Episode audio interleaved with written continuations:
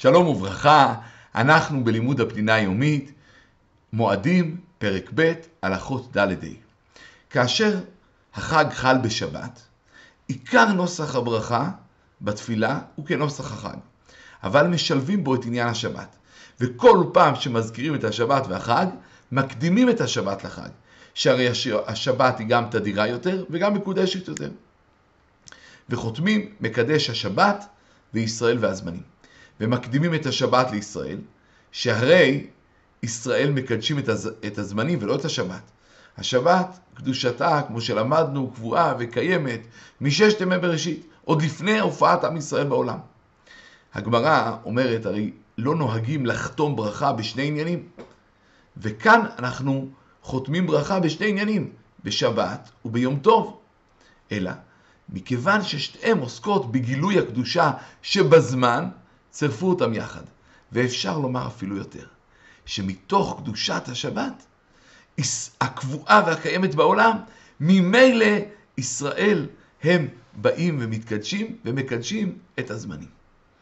כמו בליל שבת, כך גם ממילא בליל יום טוב, מצווה לומר קידוש על היין, והקידוש צריך להיות במקום סעודה, שהרי חכמים תיקנו להזכיר את קדושת היום בתפילה ובסעודה, שקדושת היום תתגלה גם בנשמה וגם בגוף.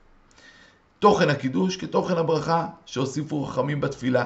ולכן גם החתימה זהה, ברוך אתה השם, מקדש ישראל והזמנים. בהתחלה מברכים על היין, ולאחר מכן אומרים את ברכת הקידוש.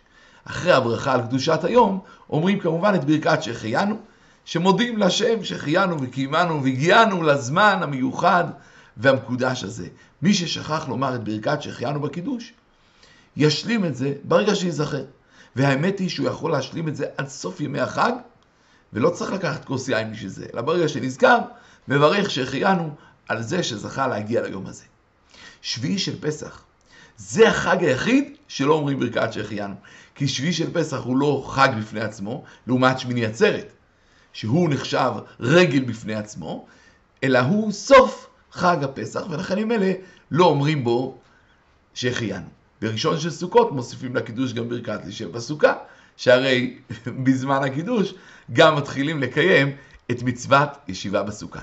כמו בשבת, גם בחג, הוסיפו חכמים ותיקנו לומר ביום טוב קידוש, גם ביום קידוש על היין, כדי לכבד את יום החג, אלא שלא מזכירים עוד פעם את קדושת היום, אלא מברכים רק על היין. ונוהגים לומר לפני כן פסוקים מעניינו של החג, הקידוש הזה נקרא קידוש הרבה, וזה לשון סגי נאור. כאילו הקידוש הגדול, למרות שברור שהקידוש המרכזי הוא בלילה, אבל קוראים לו קידוש הרבה בלשון סגי נאור. וכל שאר דיני הקידוש נתבררו בדיני שבת.